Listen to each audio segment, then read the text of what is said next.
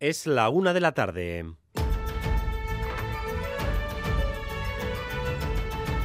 Crónica de Euskadi con Dani Álvarez.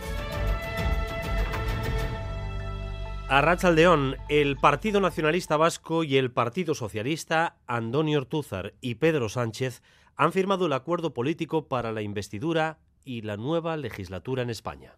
El PNV garantiza su voto positivo a la investidura de Pedro Sánchez y a la estabilidad de la legislatura, siempre, y esto es muy importante, siempre sujeto a los avances y al cumplimiento leal de los compromisos que hemos alcanzado. El PNV ha obtenido un trato preferente, el único partido con el que Sánchez ha querido firmar personalmente el pacto. Gelzales y socialistas acuerdan un proceso paralelo para aumentar el autogobierno.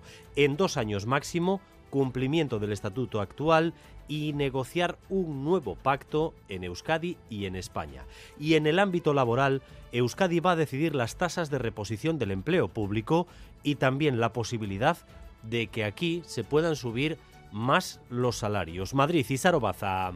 El Gobierno se compromete a dar sendos pasos en el autogobierno en dos sentidos, en el cumplimiento del Estatuto de Guernica, es decir, transferir las competencias pendientes y en fijar los compromisos del autogobierno futuro. Sánchez no solo se compromete a cumplir con el autogobierno presente y futuro, sino además se da un plazo de dos años para hacerlo. De hecho, Gobierno vasco y Gobierno central se reunirán cada seis meses para garantizar que esto se cumple. Entre los muchos compromisos que recoge el texto, se garantiza también que la Comisión Mixta tendrá competencias para subir los salarios y fijar las plazas de las ofertas públicas de empleo.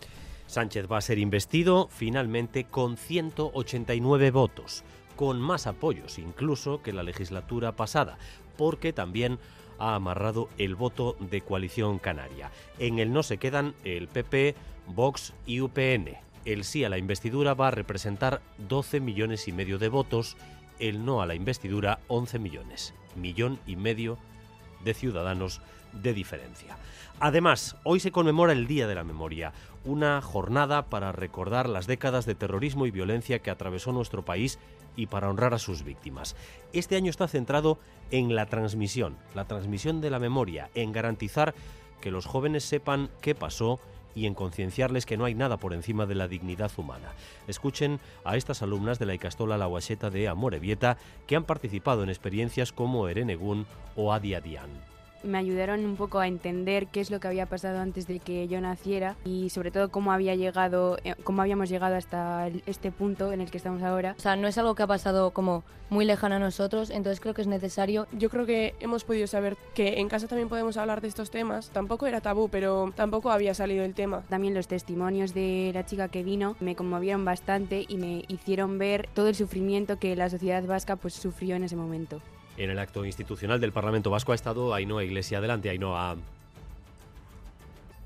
Más con una ofrenda floral y dos minutos de silencio en el exterior de la Cámara, en un homenaje al que se han sumado todos los partidos, salvo el Partido Popular Ciudadanos y Vox, que hace ya años que no se suman al acto porque este recuerda a víctimas más allá de las del terrorismo. PP y Vox han celebrado homenajes propios.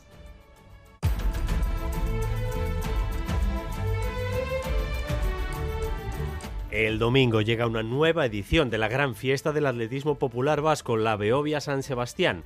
Este año se van a superar de nuevo los 30.000 participantes y además con récord de mujeres a Negoñi. Sí, todo preparado ya para que este domingo Guipúzcoa acoja la edición número 58 de la Beovia San Sebastián. Más de 30.000 participantes, el 29% serán mujeres, una cifra récord. El objetivo, eso sí, es llegar al 50% de corredoras en 2025.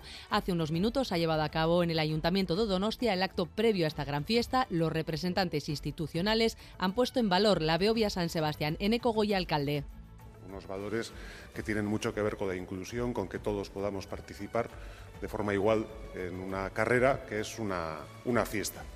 Como cada año se espera que miles de personas animen apostadas en los arcenes y como cada año también las afecciones al tráfico serán numerosas varias horas antes de que arranque la carrera y en el caso de Donostia hasta bien entrada la tarde. Y además,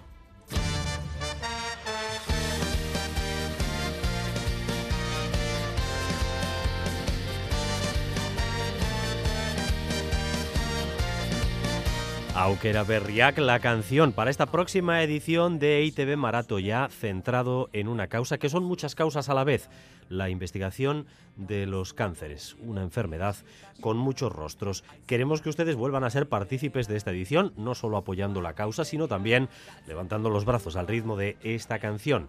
No hay nadie que no tenga en su radar alguien que haya pasado o esté pasando por un cáncer. En marcha, por tanto, las primeras citas Mayalen Galparsoro. Auquera Berriac, nuevas oportunidades frente al cáncer, más investigación y más fondos para ello. Es lo que busca este año ITV Maratoya. El primer reto esta misma tarde en el centro comercial Artea, en Leioa, se colocará un set donde la gente podrá grabar vídeos con la canción Auquera Berriac.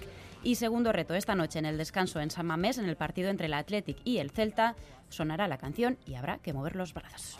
Y Cinevi abre su edición número 65 esta tarde. Ya saben que con nuestro compañero Félix Linares como premio Miqueldi de honor. El documentalista Frederick Bisseman, el otro homenajeado hoy, no ha podido finalmente venir a Bilbao. La gala de inauguración en todo caso, va a estar dirigida por María Goirizelaya y Anne Picaza. Nos cuenta esta última, Anne Picaza, cuál va a ser el tema de la gala para esta edición 65, ¿no? que es como un número redondo, poder dar las gracias a, todas esas personas que son indispensables dentro de un rodaje. Sabemos que para cuando una película, un documental, un corto llega a estrenarse, eh, bueno, vemos la punta del iceberg, ¿no? En cuanto al tiempo, cielos cubiertos y lluvia para las próximas horas, sobre todo en la costa. En la mitad sur el ambiente será más seco, aunque podría llover también algo al final del día. Las temperaturas van a bajar un poco, con máximas que van a rondar los 13-16 grados. Ahora mismo 14 en Bilbao, 13 en Donostia, en Bayona, en Vitoria-Gasteiz o en Pamplona. Gracias un día más por elegir Radio Euskadi y Radio Vitoria para informarse. Raúl González y Paula Asensio se encargan de la dirección técnica, Mayalen Galparsoro y María Cereceda de la coordinación. Crónica de Euskadi con Dani Álvarez. Y vamos también con la información deportiva. César Pérez de Cazola, Zarracha León. Gracias, don Dani. El fútbol Atlético abre esta noche en San Mamés y ante el Celta la jornada 13 en Primera División y se alparon con eh, buenas sensaciones en zona europea. Es el objetivo hoy para el equipo de Chingor y Valverde ante un Celta que está en descenso a las 9.